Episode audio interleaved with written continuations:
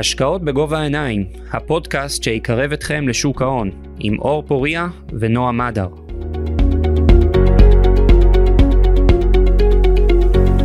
טוב, אחר הצהריים טובים, אנחנו בפרק נוסף של הפודקאסט שלנו, השקעות בגובה העיניים. לצידי כרגיל, נועם מדר, מה שלומך נועם? אהלן אור, הכל בסדר, איך אתה? אני מצוין, שבוע חדש, מה יכול להיות רע? רק טוב. אה, אנחנו שמחים מאוד לארח היום את אה, הכלכלן הראשי של אה, קבוצת הראל, את עופר קליין. עופר, תודה רבה שהצטרפת אלינו. אהלן, מה נשמע? אנחנו מצוין, שמחים לארח אותך. עופר, אנחנו מקווים שיהיה לך יותר כיף איתנו מאשר עם לאה לב, ותספר לנו איך זה, איך זה לתת קצת פודקאסט. תשמע, זה יהיה קשה, איתה כיף.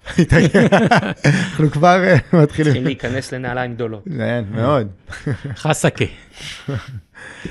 אז uh, באמת, עופר, בוא, בוא תספר לנו קודם כל על הקריירה שלך, איך, אה, איך הגעת למעמד הכל כך מכובד. טוב, אז אני עופר קליין, אני ראש אגף כלכלה ומחקר uh, של קבוצת הראל, uh, 15 שנה אני בהראל. לפני זה עבדתי במשרד האוצר, ארבע שנים, ולפני זה עוד עבדתי בבנק ישראל. שבעצם יש לי ראייה גם של הסקטור הממשלתי, נקרא לזה ככה, גם המדיניות המוניטרית והפיסקלית, וגם של הסקטור העסקי. בגדול, אם אתה שואל את עצמך מה אני עושה, אז אני בעצם מנתח את הסביבה המקרו-כלכלית שבה הראל עובדת. יש, יש המון אה, אה, הייפ עם מניות, כן? לבחור מניית טבע, לפתור מניית פריגו, איזה מניה לבחור. אבל בסופו של דבר, כשאתה מסתכל על תיק השקעות של אה, מוסדי, אתה תראה ש-60-70 אחוז מהתיק זה בעצם אג"ח. ובאג"ח נשאלות השאלות כמו להיות במח"מ קצר או ארוך, להיות צמוד או לא צמוד, להיות דולרי או שקלי, בסופו של דבר ההחלטות האלה ינצחו לך את כל התיק ולא אם להיות במניה בודדת כזו או אחרת. וזה בגדול מה שאני עושה, אני מנתח את הסביבה המקרו-כלכלית. אני מסתכל האם הריביות יעלו או ירדו, אה, האם אה, האינפלציה תעלה או תרד, ובכמה, יש לנו מודלים אה, אקונומטריים. אה, האם כדאי להיות אה, באירופה או בארצות הברית, בסין או ביפן? ההחלטות האלה, אנחנו לא מתעסקים אה, במחלקה שלי, שוב, עם מניות בודדות, אלא באמת עם התמונה המקרו-כלכלית הגלובלית. כשאתה אומר שהתחלת בבנק ישראל, או לפחות היית בסקטור הציבורי בהתחלה, איך אתה רואה את ההבדל באמת בין העבודה בשני המקומות? או, זה שונה לגמרי, זה שונה לגמרי. אמ, כן, באותה, באותה תקופה גרתי בירושלים, עבדתי אה, בבנק ישראל במחלקה המוניטרית. אה, אחת המחלקות אה, שבעצם מייעצות לנגיד לגבי הריבית, אוקיי, וגובה הריבית. צריך להגיד שהמחלקה הזאת לא קיימת היום, היא מוזגה בין מחלקת המחקר למחלקה, מחלקת השווקים והמחלקה לסטטיסטיקה. אה, משם עברתי למשרד האוצר, אה, שם ישבתי, ב... היום זה נקרא אגף הכלכלן הראשי, אה, אז קראו לזה אגף כלכלה והכנסות המדינה. גם שם בנינו בעצם את המקרו שמעליו עומד תקציב המדינה. כשאתה בונה תקציב למדינה, כמו תקציב לחברה דרך אגב, אז אתה צריך להבין באיזה סביבה אתה חי, באיזה סביבה של צמיחה, באיזה סביבה של ריבית, אינפלציה, זה משפיע על ההכנסות ועל ההוצאות, ובעצם אה, אה, זה מה שעשיתי שם, וכן, הסקטור הציבורי הוא יותר נינוח וזה, אבל באיזשהו שלב בער לי אה, להגיע לסקטור העסקי, ומאז אני בהראל. אתה יודע, באמת, אני חושב על זה שכש... בוא ניקח את זה עשר שנים אחורה, שעוד הייתי סטודנט, כל העולם הזה של משרד האוצר, הוא היה מין בועה כזאת שאף אחד לא יודע מה קורה שם, קוראים לזה נערי האוצר וזהו, ואף אחד לא יודע. והיום זה עולם... יש כאלה שהוציאו החוצה קצת. הרבה יוצא החוצה, הרבה כותבים בטוויטר, אני נגיד, יש את האחראית, אה, אחראית באגף תקציבים, אני זוכר, על אה, שוק הנדל"ן. וממש, הסקירות שלה זה, זה אחד הדברים הכי מבוקשים, כולם מריצים, זה כולם, זה... אתה היית בשנים הפחות זוהרות של, אה, של האוצר.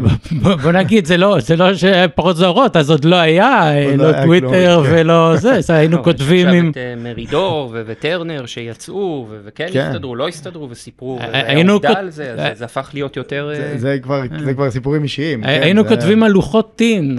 מה זה לוחותים? אני אפילו לא מכיר את זה. כתב יתדות, משהו, זה התקופה אה, אומר הבבלית עתיק. בן העתיקה. כמה אתה כן. עופר? אתה נראה צעיר, כן, אתה לא... לא, זה...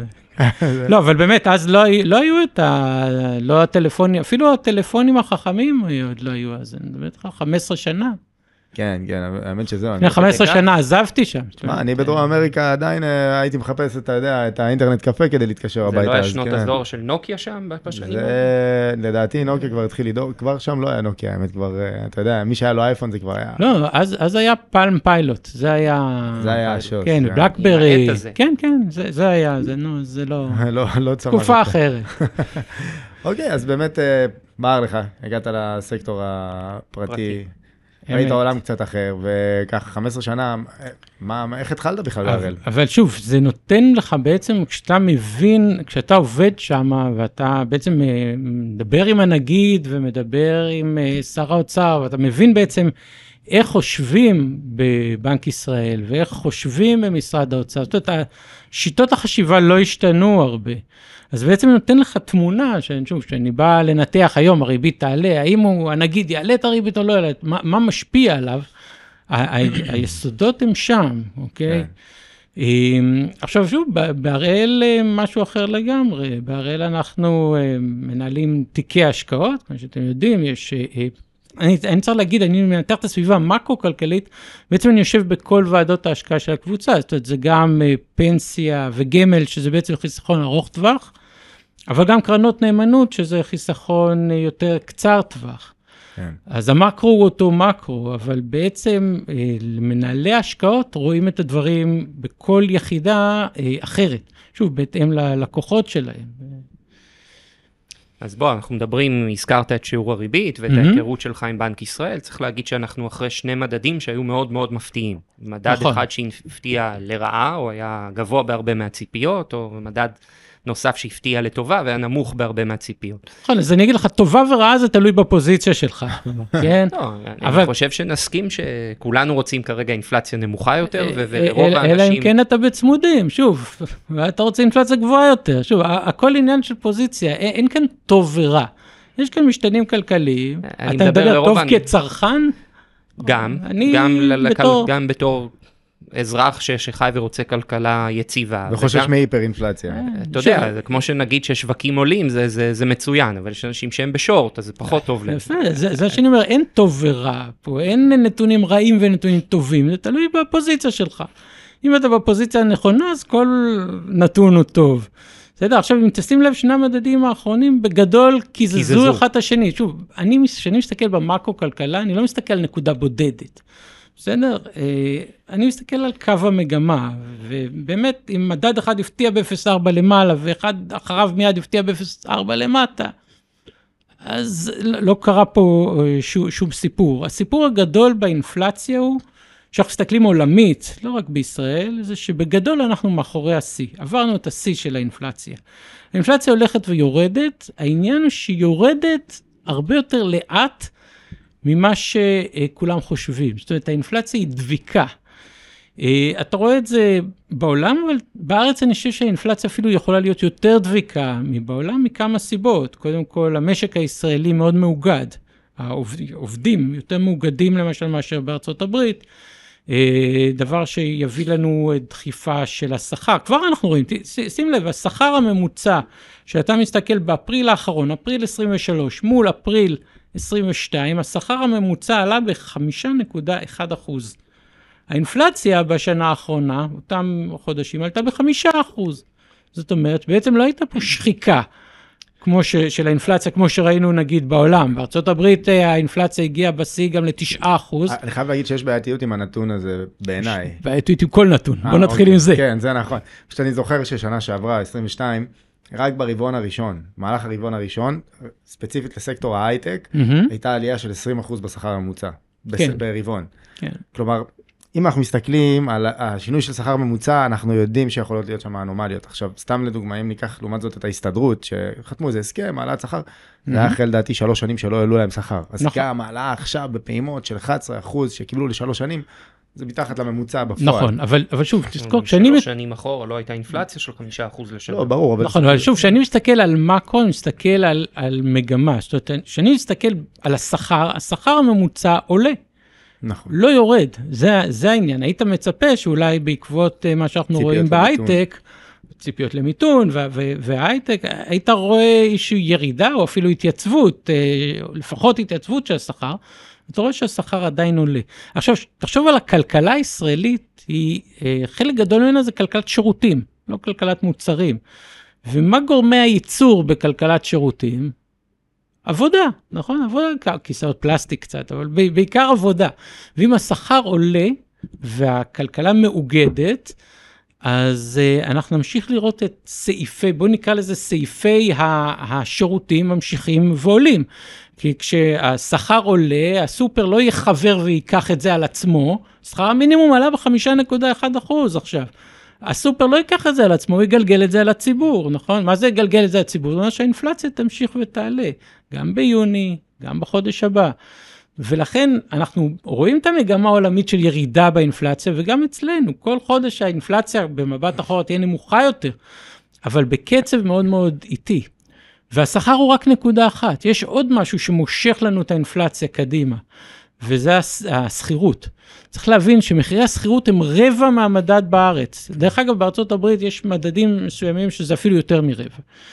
עכשיו, מחירי השכירות בארץ עולים בקצב מהיר יחסית. ואם אנחנו מסתכלים, ודיברנו על זה אה, לפני השידור, גם מחירי הנדל"ן בארץ לא יורדים כמו שראינו את הירידות בחו"ל. אתם יודעים, בקנדה. בקנדה 20 אחוז כמעט מהשיא, בשוודיה, באוסטרליה, ירידות של 20 אחוז, בארץ זה לא קורה.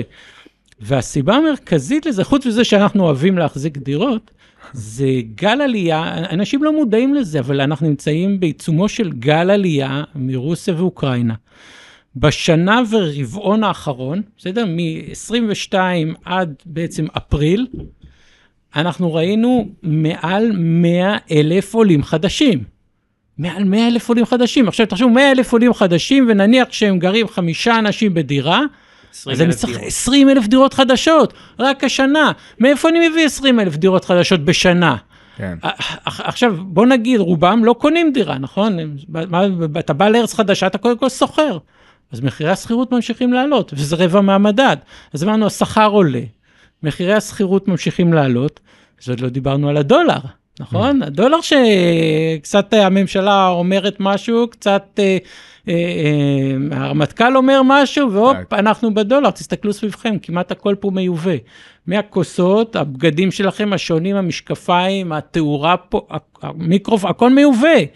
ברגע שהדולר זז לי קצת, או יותר נכון, האירו אפילו משפיע עוד יותר הרבה, כי למשל חלק גדול מהמזון שלנו, אנחנו לא מביאים מארצות הברית אלא מאירופה. ברגע שהמטח זז, זה שוב גורם לי לאינפלציה גבוהה יותר. אני, אני, שוב, תראה, זה, זה נכון. תסתייג, תסתייג, זה טוב. אני, אני חייב להסתייג, כי תראה, בפועל לפני זה ראינו עשר שנים שה, שהמטבע פה התחזק, ואני לא זוכר שנהיה פה זול יותר, בגלל היבוא הזול שנהיה. אז, לנו. אז אתה כן, מבין? תשמע, בוא תפתח את הנתונים ותראה שבעשר שנים האחרונות, עשר שנים האחרונות, האינפלציה בישראל הייתה נמוכה מהאינפלציה בארצות הברית. עשר שנים האחרונות, לא למה? ממש הייתה אינפלציה כי בשנתיים האלה. עשר שנים האחרונות השקל. מתחזק. כן. שוב, אבל אין, אין זה, זה, זה בהגדרה, תסתכלו סביבכם, כמעט הכל פה מיובא, כל תזוזה בשער חליפין משנה לי את המחיר. אין, אין מה לעשות. איך אתה רואה את ההשפעה של הדברים שאתה אומר על uh, צפי העתידי של שיעור הריבית? האם הריבית בכלל יכולה להשפיע על שער הדולר או, או, על המשתנים האלה? בהחלט יכולה, וזה זה באמת הנקודה השנייה. כי אם אנחנו אומרים שהאינפלציה פה אה, יורדת, אבל יורדת בקצב איטי יותר, זה, יש לנו את העניין של שער חליפין שיכול אה, באמת לה, ל- להשתולל בצורה אה, חדה, מה שלא קורה נגיד כמעט באירופה או מקומות אחרים.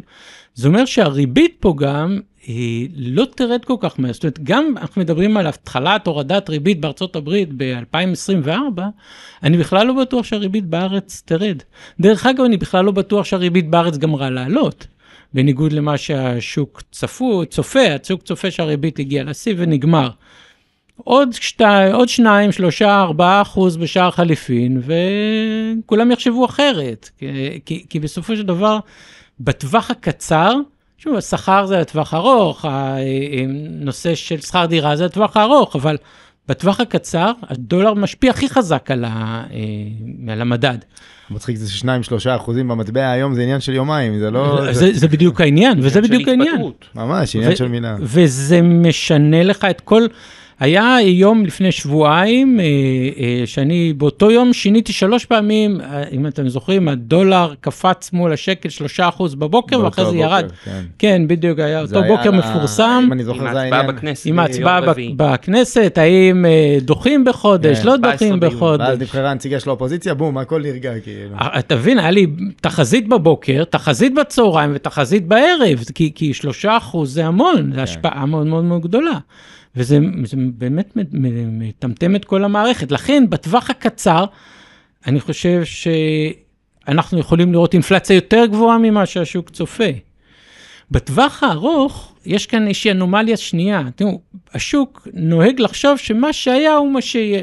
בסדר? עכשיו האינפלציה סביב 3 אחוז, תסתכל, ציפיות לאינפלציה ל-20 שנה, ל-30 שנה, 3 אחוז. עכשיו, זה לא סביר, כי בסופו של דבר האינפלציה תרד. בטווחים הארוכים. אה, לאן היא תרד? לדעתי פחות מ-2 אוקיי? ולכן בחלקים הארוכים יותר, אני חושב שהשוק מגזים עם הציפיות לאינפלציה. האמת שזה מעניין, זה אתה מעריך בעצם שאנחנו כן נחזור לאותו עולם שהיה לפני כן. נכון מאוד. בשונה מהרבה כלכלנים אחרים שאומרים, אנחנו סיימנו עם עולם של ריבית אפס. אז אה, אני חושב שאנחנו נחזור ונרד באינפלציה, אני לא, לא יודע... הוא לא מדבר על הריבית, הוא מדבר על האינפלציה. על האינפלציה לא, ואחריה על הריבית גם. אה, אה, בואו נתחיל עם, ה, עם הגורמים הגדולים יותר, בסדר? יש, יש לבנק ישראל יעד.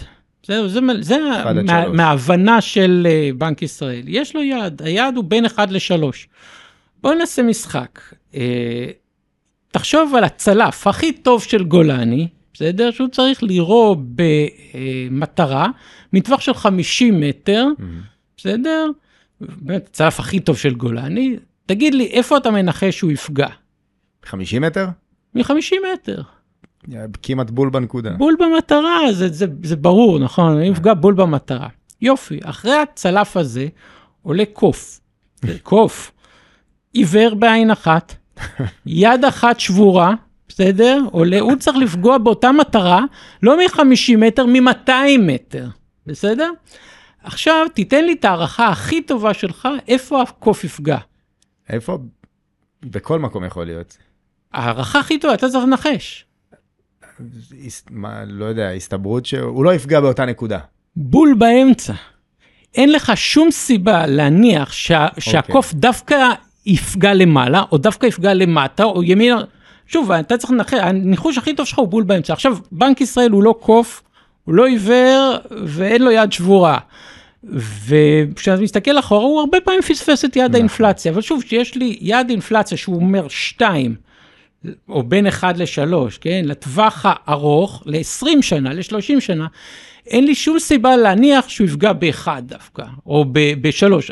הסיבה, ההיגיון, תורת המשחקים, מה שאתה רוצה, זה להניח שהוא יפגע בדיוק באמצע, בשתיים.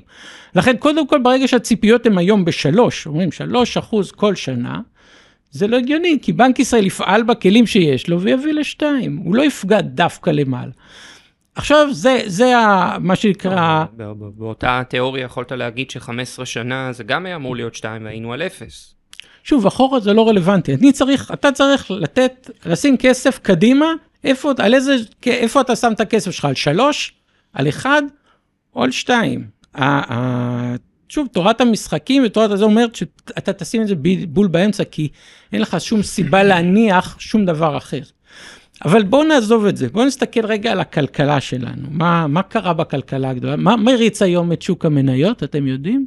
מה, הגדולות, הטכנולוגיה הגדולות? AI, יפה. AI עכשיו, בואו נניח, בואו נניח ש-AI יעשה רק חצי ממה שמבטיחים שהוא יעשה, חצי. אז כנראה שאנחנו נראה מה שכל מהפכה טכנולוגית עושה, והיא מורידה מחירים. שוב, אם בסופו של דבר המחשוב מחליף כוח אדם, אז אתה תראה הורדת מחירים.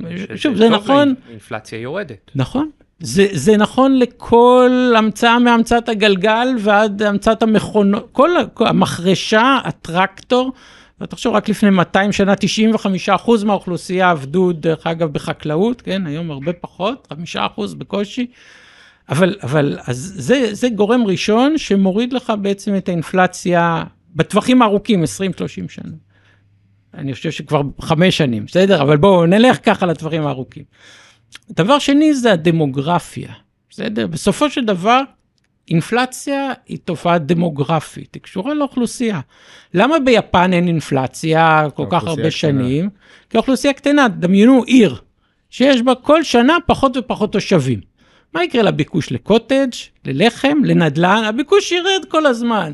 אם הביקוש כל הזמן ירד, המחיר ירד. אין, בסופו של דבר, אוכלוסייה שמזדקנת, והעולם נמצא באוכלוסייה שמזדקנת. ת, תראו, אירופה, ארצות הברית, סין, כן, סין סוגי עוד... הפירמידות. ש... תשמעו, סין, מדברים על זה שסין בעוד 100 שנה תחתך בחצי באוכלוסיות, באוכלוסייה שלה. אתם יודעים כמה ארצות הברית של אמריקה, עם ההגירה, בכמה היא גדלה בעשר שנים האחרונות, הממוצע גידול בארצות הברית? כמה? 0.6 בסך הכל. בשנה. כן. אם אתם מסתכלים על אירופה, מדינות כמו איטליה מתכווצות. איטליה ב, בשנת 2100 תהיה באותה אוכלוסייה כמו שהייתה ב-1800, ואנחנו מדברים עם ההגירה.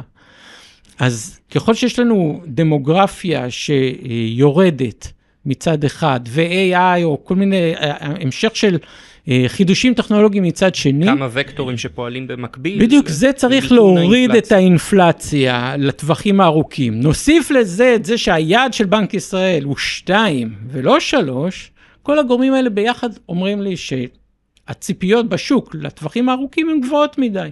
ולכן אני חושב שהשוק טועה בקטע הזה. אגב, בנוסף למה שציינת, עם, כל ה... עם זה שרוב העולם, בוא נגיד המפותח, לא המתפתח, המפותח, mm-hmm. אז כן, האוכלוסייה, אוכלוסייה קטנה. אחת הסיבות שתמיד אני מדבר על uh, תזה שורית לגבי השוק הישראלי, זה העובדה שבאמת uh, בשוק בארץ אנחנו דווקא גדלים, גדלים אפילו ב-2% בשנה, אם אני לא נכון, טועה. נכון, השנה גדלנו 2.3% בגלל העלייה. כולם שוכחים את העלייה, אבל תחשוב איזה כוח אדיר זה בשנה ורבעון 100 אלף איש. ו... 80 אחוז מהם, 81 אחוז, אם אתה רוצה לדייק, באים מרוסיה ובאים עם כסף.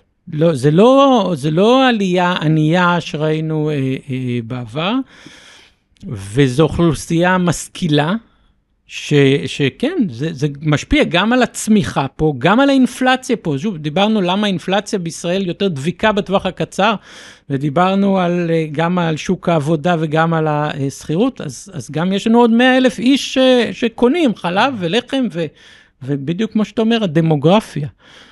אוקיי, אז באמת אה, דיברנו על זה שאנחנו בוא, בוא נסתכל על זה בצורה קצת אחרת. עכשיו אה, דיברת קצת על יפן. Mm-hmm. ראינו באמת איזה שינוי מגמה ביפן. נכון. אה, כבר יצא לנו לדבר על זה. אה, מהעין שלך, מה, מה, מה אתה רואה שהשתנה שם? טוב, ביפן גם יש משהו מאוד מעניין. שוב, כשאתה מסתכל בטווח הארוך, האינפלציה ביפן תרד, הכלכלה היפנית מתקררת, אין ויכוח על זה. בטווח הקצר, מה שקורה שם זה שכרגע הם עדיין מדפיסים כסף, בניגוד לכל העולם. תראו, כלכלה תהיה גדולה ככל שתהיה, אם היא כלכלה פתוחה, היא לא יכולה לעבוד הפוך מאשר כל העולם, אוקיי? הכלכלה היחידה שבאמת יכולה לעבוד הפוך זה הכלכלה הסינית, כי היא לא כלכלה פתוחה, היא כלכלה סגורה, אוקיי? היא כלכלה שנשלטת בעצם, והיא כלכלה ענקית. אבל הכלכלה היפנית בסופו של דבר לא יכולה לעבוד הפוך. עכשיו, מה שקורה ביפן זה משהו שהוא מאוד מאוד שונה מבחינה... מוניטרית מאשר ראינו בכל מקום בעולם. אה, הבנק היפני, תראו, בנק מרכזי שולט על הריבית הקצרה. מה זה הריבית הקצרה? ריבית overnight, בסדר? הכי קצרה שיש. בא הבנק היפני ואמר, אני לא רק שולט על הריבית הקצרה, אני אשלוט גם על הריבית הארוכה. הוא מחזיק את המקל, מקום היחיד בעולם, בשתי הקצוות, אוקיי? ואומר, הריבית הקצרה היא 0.1 נגיד, והריבית הארוכה גם. כן, אנחנו מחזיקים את זה שם. עכשיו תראו, הריבית לא נקבעת בהבל פה, לא בארץ ולא בעולם. כשבנק ישראל אומר, אני מעלה את הריבית, הריבית לא עולה מעצמה, הוא צריך לבצע פעולות בשוק הכספים, בשוק ה... אה, גם מטח, אבל בעיקר בשוק האג"ח, כמו למשל אה, אה, להנפיק מק"מ, אוקיי? לעשות פעולות כדי להביא את הריבית לאן שהוא רוצה. עכשיו, כשבא הבנק היפני ואומר, אני לא אפעל רק על הריבית הקצרה overnight, אני אפעל גם על הריבית הארוכה. איך הוא עושה את זה? הוא בעצם מדפיס המון כסף וקונה אג"חים. בעצם הוא עושה QE, אוקיי? אז בכל העולם מעלים ריביות, בצורה דרסטית, צמצום מוניטרי, ושם לא רק הרחבה, יש אפילו QE, זה, זה הרחבה על ספידים, בסדר? עכשיו, מה זה, מה זה עושה? זה עושה שכמות הכסף גדלה בצורה מאוד מאוד מאוד מהירה. עכשיו, בוא, תחשוב על כלכלה שיש בה... בוא, בוא נניח את זה רגע על השולחן. מאז uh, שבעת ימי הבריאה, אתה לא יכול לייצר יש מאין. בסדר? עכשיו תחשבו על כלכלה נורא פשוטה, שיש בה שני תפוחים ושני דולרים. שיווי משקל, כל תפוח עולה דולר. עכשיו אני מדפיס כסף ומכפיל, בסדר? יש לי עכשיו 4 דולרים, בסדר? או, או, או שני דולר, של, שלושה דולרים, כמה שאתם רוצים. אה, נניח 4 דולרים מיד, אבל כמעט מיד, כל תפוח עולה 2 דולרים עכשיו. עכשיו, זה לא שנוצרו לי יותר תפוחים. רק המחיר עלה. זאת אומרת, כשאני מדפיס כסף, בסופו של דבר, אני מקבל אינפלציה. וזה מה שאנחנו רואים ביפן. ביפן האוכלוסייה מתכווצת, כמו שדיברנו, הדברים שהטווח הארוך עובדים שם. אבל בגלל שמדפיסים כל כך הרבה כסף, אנחנו רואים את האינפלציה רצה. ורצה מהר מאוד, האינפלציה שם ללא דלקים וזה, 3.5 אחוז, זה לא... 4 וכבר, 4.3 אם אתה רוצה לדייק. שוב, מה שמעניין זה אינפלציית הליבה, לא האינפלציית אוקיי. ההדליין. ובאיזשהו שלב הבנק היפני יישבר, אוקיי? עכשיו, בוא נשים את זה רגע בצד ונדבר למה הבנק היפני כל כך אה, להוט על הסיפור הזה. אני חוזר לדמוגרפיה. תחשבו שיפן היא המדינה, אני חושב, השלישית או הרביעית מבחינת גודל תעשייה בעולם. אמרנו, הכלכלה מתכווצת, האוכלוסייה מתכווצת, זאת אומרת, האוכלוסייה היפנית לא יכולה לתמוך בכלכלה היפנית, בתעשייה היפנית הענקית, זאת אומרת, הם צריכים לעשות ייצוא. האמת שמשהו בזה השתנה. עד אז- לא מזמן נשים לא היו עובדות שם, והיום הבנתי כבר אה, 80 אחוז אפילו עובדות. נכון, אבל אני מדבר, האוכלוסייה הולכת וקטנה, והתעשייה היא ענקית. אז הם אוקיי. צריכים ייצוא בעצם, כדי לתמוך בגודל של התעשייה שלהם. איך אתה מעודד ייצוא בצורה מוניטרית? אתה צריך לעשות פיחות של המטבע. אם אתם זוכרים, היה לנו פעם מלחמת המטבעות, כל מדינה רצה לפחד את להחליש המטבע את שלה. כן. להחליש את המטבע שלה כדי אה, לעודד את הייצוא. תחרותיות שלה בדיוק, בשוק. בדיוק. ולכן הבנק היפני באמת אה, ככה מאוד מאוד לארג' עם, ה, עם הסיפור הזה. אה, ובאמת ראינו את היין מפוחת הכי בעולם. זאת אומרת, מה זה אה, מפוחת? עכשיו, חלק גדול מהחברות במדד היפני, אם תסתכל, הן חברות יצואניות. ולכן המדד היפני עשה הכי טוב, אני חושב, חוץ מהנסדק, ברבעון הראשון הוא עשה הכי טוב. אה, אבל שוב, אם אני מסתכל קדימה, ואני רואה את המגמות האלה של אינפלציה שממשיכה לעלות, ברור לי שבאיזשהו שלב, כלכלה, כמו שאמרנו, גדולה ככל שתהיה, לא יכולה לעבוד הפוך מכל העולם. בסדר? באיזשהו שלב, אינפל... הרי מה זה אינפלציה? זה שחיקה של, של, של הכסף, הכסף. כן, זה, זאת אומרת, זה, במי זה פוגע? זה פוגע בצרכנים בסוף, זה מחליש את הצרכנים. ולכן, בסופו של דבר, הבנק היפני, שוב, שאני צריך להסתכל קדימה, ירד מהסיפור הזה, הוא אה, ישחרר את החלק הארוך של העקום, יעצור את ה-QE, אני לא אומר שיעלה את הריבית, מספיק שהוא יע- יעצור את ה-QE הזה, ואנחנו נראה את ה-ין מתחזק משמעותית, ואז החברות היצואניות היפניות יכולות אה, אה, להיפגע מהדבר הזה. אבל שוב, אין ארוחות חינם, אתה לא יכול להדפיס כסף ולייצר משהו בטווח הארוך, לפחות בטווח הקצר לזה. אלא אם אה, אתה ארצות הברית, ואז זה קצת שונה. ארצות הברית, תראה, בארצות הברית אתה יכול להדפיס כסף כי כל החוב שלך הוא נכון. מקומי, הוא, אה, ארצות, שואלים אותי, ארצות הברית תפשוט רגל? ארצות הברית לא יכולה לפשוט רגל כל עוד כל עוד המטבע שלה הוא המטבע. שלה הוא, הוא הדולר, אתה יכול להדפיס כמה ניירות צבעוניים כאלה שאתה רוצה. המחיר הוא אינפלציה. שוב, אין ארוחות חינם, שוב, אחרי שבעת ימי הבריאה, אתה לא יכול להדפיס כסף ולייצר משהו מכלום. יש את הכלכלה הריאלית, יש כמות המכוניות, כמות המעילים, המוצרים, פשוט בסוף אתה מדפיס כסף, אתה, אתה תגרום לשינוי במחיר היחסי, אתה לא תגרום ליותר מוצרים שיהיו קיימים. בסדר. עופר, אחד הדברים שמעניינים, אולי אני חושב הרבה מהמאזינים והצופים שלנו, זה בעצם השוק הישראלי מול השווקים בעולם. מהמם. קל מאוד להגיד שנפתח פה פער מאוד משמעותי בתמחור, שווקים בעולם רצו מאוד מתחילת השנה, השוק בארץ נראה הרבה יותר אטרקטיבי מבחינת מכפילים או כל תמחור כזה או אחר. אה, מיותר אני חושב לחזור על הסיבות, כן. כולנו יודעים ומבינים אותם, השאלה איך אתה רואה או מנתח את הדברים בראייה קדימה. אז אני אגיד לך, מבחינת הידע הפוליטי, אין לי יתרון לא עליך ולא על המאזין הממוצע, שכולם ביום שישי יודעים מה הממשלה צריכה לעשות ומה היא תעשה, ושוב, אין לי זה. בואו נדבר על ה fundamental של הכלכלה הישראלית, כי זה אני כן מבין.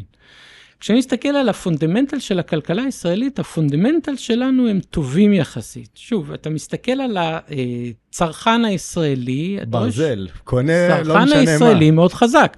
עכשיו, מאיפה זה בא? קודם כל אמרנו, תראו, הצרכן הישראלי לא נשחק כמו שנשחק הצרכן הבריטי או האמריקאי. תשמעו, בארצות הברית אינפלציה של 9%, השכר עלה ב-5% הממוצע, הייתה שחיקה.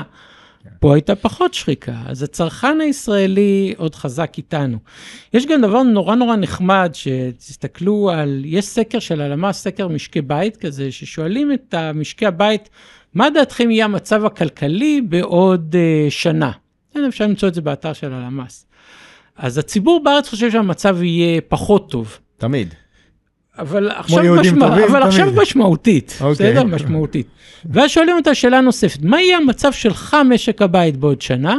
ואם תרצו אפשר, אני יכול לשלוח לכם את הגרף, תעלו את זה עם, ה, עם יותר טוב. הפודקאסט, כן? יהיה סבבה. זאת אומרת, המשק הולך בקאנטים, אבל אנחנו, לי זה לא יקרה, אנחנו נהיה בסדר. אז, אז אתה מבין שיש דבר שנקרא בכלכלה צריכה פרמננטית. שוב, אני רגיל ללכת, אה, לשלוח את הילדות שלי לחוג, אני רגיל לקנות ברמת חיים מסוימת, גם כשאני חושב שהמצב יהיה פחות טוב, אני לא ממהר לעשות את השינויים, ואני גם לא צריך לעשות את השינויים בטווח הקצר, כי השכר לא נשחק, בסדר? והאינפלציה אומנם עולה, אבל, אבל גם חמישה אחוז זה לא עשרה אחוז של בריטניה, בסדר? ותסתכל על, אנחנו בערך עשרה מיליון איש כן, בישראל. כן. כרגע במאי, לא באוגוסט, במאי יש כמעט מיליון איש בחו"ל. כן. זה, זה פסיכי, כאילו עשרה אחוז מהאוכלוסייה בחו"ל. אז, אז אתה אומר שכרגע הציבור חזק. עכשיו הצ, הצרכן הוא בגדול 60 אחוז מהתוצר, בסדר? מה... אז הקטע הזה עוד סביר. ואם אנחנו מסתכלים למשל על התוצר שלנו ברבעון הראשון, הוא צמח ב-3.1 אחוז. אני מסתכל על מדינות ה-OECD, זה כמעט הכי גבוה בעולם, אולי חוץ מפורטוגל, ובואו, גם בפורטוגל זה ישראלי, בסדר? אז, אז, אז, אז אתה, את- לא, באמת, אתה, אתה רואה כרגע שהנתוני, הצרכן הישראלי חזק. שיעור האבטלה, למרות שאנחנו אומרים, הריבית עולה, שיעור האבטלה צריך לעלות, אבל שיעור האבטלה דווקא ירד בחודשים האחרונים. אבל לא רק בארץ. נכון, אבל, אבל שוב, זה אומר שלצרכן, הצרכן גם לא דואג אה, שהוא הולך להיות מובטל, השכר שלו עלה, שיעור האבטלה ירד. תראו, שיעור האבטלה הוא 3.2, אני מדבר בגילי העבודה, כן, אה, כן. לא ב-15 פלוס, אלא כן. ב-25 עד 64. 3.2, מה זה אומר? זה כמעט הכי נמוך מאז ימי בן גוריון. מתחת לחמש. זה כבר נחשב אפס, כביכול, זה זה מזה. מלאת, כן, תסבירו. יותר מזה, שאנחנו רואים על- עלייה בביקוש לעבודה, זאת אומרת, יותר אנשים רוצים לעבוד, בסדר? זה נכון שבסקטורים מסוימים, כמו בסקטור ההייטק, צריך לשים את זה על השולחן, אנחנו רואים ירידה נכון. בביקוש לעובדים, עדיין חסרים שם עובדים, בואו, לא, שלא נטעה, עדיין יש חסרים אה, אה, מהנדסים, אה, אבל הרבה פחות, ואם הקצב, אז מגמה הזאת תימשך, אז אנחנו בראייה קדימה, שוב, אם אתם רוצים באופן כללי, ראיית קדימה, בסופו של דבר. הריבית תעבוד, בסדר? כשהריבית עולה, זה מביא להאטה בצריכה הפרטית. היא עובדת, אנחנו ב- רואים שהיא עובדת אה, בשנה נכון, האחרונה. רק שכרגע אנחנו עוד לא רואים את ההשפעה בצורה מאוד מאוד משמעותית. לכן אנחנו רואים אינפלציה שממשיכה להיות גבוהה וצריכה פרטית שממשיכה להיות אה, אה, חזקה. אז כרגע אנחנו עדיין רואים fundamentals אה, טובים. עכשיו, גם אם אנחנו מסתכלים על ה-FDI, אה, Foreign Direct Investment, זאת ההשקעה בישראל, נכון, ירדה, ולהערכתי תמשיך לרדת, אבל הירידה היא בקצב איטי יחסית. זאת אומרת, אנחנו הולכים למקום פחות טוב, אבל אנחנו הולכים לשם לאט. זאת אומרת, לכן, כשאני מסתכל על ה fundamentals הישראלי, מסתכל למשל על העודף בחשבון השוטף, מה זה העודף בחשבון השוטף? זה הייצוא הישראלי, פחות היבוא ועוד ה... אה, הסיוע האמריקאי. זאת אומרת, אתה רואה שיותר דולרים נכנסים לכלכלה, גם ברבעון הראשון, של ההפגנות ושל... יותר דולרים נכנסים לכלכלה מאשר יוצאים ממנה, אוקיי? אז כשאתה מסתכל עכשיו, המצב בסדר. כשאני מסתכל קדימה, אז אין לי ספק שהכלכלה אה, תיחלש. השאלה הגדולה, האם היא תיחלש יותר או פחות מהכלכלה האמריקאית. זה סימן שאלה גדול. זה, כשאתה מסתכל על זה שאתה אומר שהיא תיחלש, אתה מוציא רגע את הנושא, אה, את הנושא הפוליטי הצידה. אתה מדבר רק ברמת ההשקעות בארץ. כן, שוב, בנושא הפוליטי אני יכול לזרוק קובייה, או לזרוק כן. מטבע פה, יצא עץ, תהיה רפורמה, תהיה, יהיה פאלי, לא תהיה, לא מבין בזה, באמת, אני לא, אין, אין לי ערך מוסף. ולהגיד לך אם תהיה רפורמה או לא תהיה רפורמה. דרך אגב, אני לא מכיר אף אחד שיודע. נכון. באמת, אתה יכול, הניחוש שלך טוב כמו הניחוש שלי, לא הייתי בונה את תיק ההשקעות שלי סביב זה. חד משמעית. לא יודע, באמת, יש מספיק אי ודאויות, לא צריך להוסיף את זה. תהיה מלחמה, לא תהיה מלחמה, נו בסדר. אה, באופן כללי, אני לא בונה את תיק ההשקעות שלי לאירועי קיצון. בסדר? זאת אומרת, אה, אירוע קיצון, אנחנו כמובן עושים אה, מה שנקרא...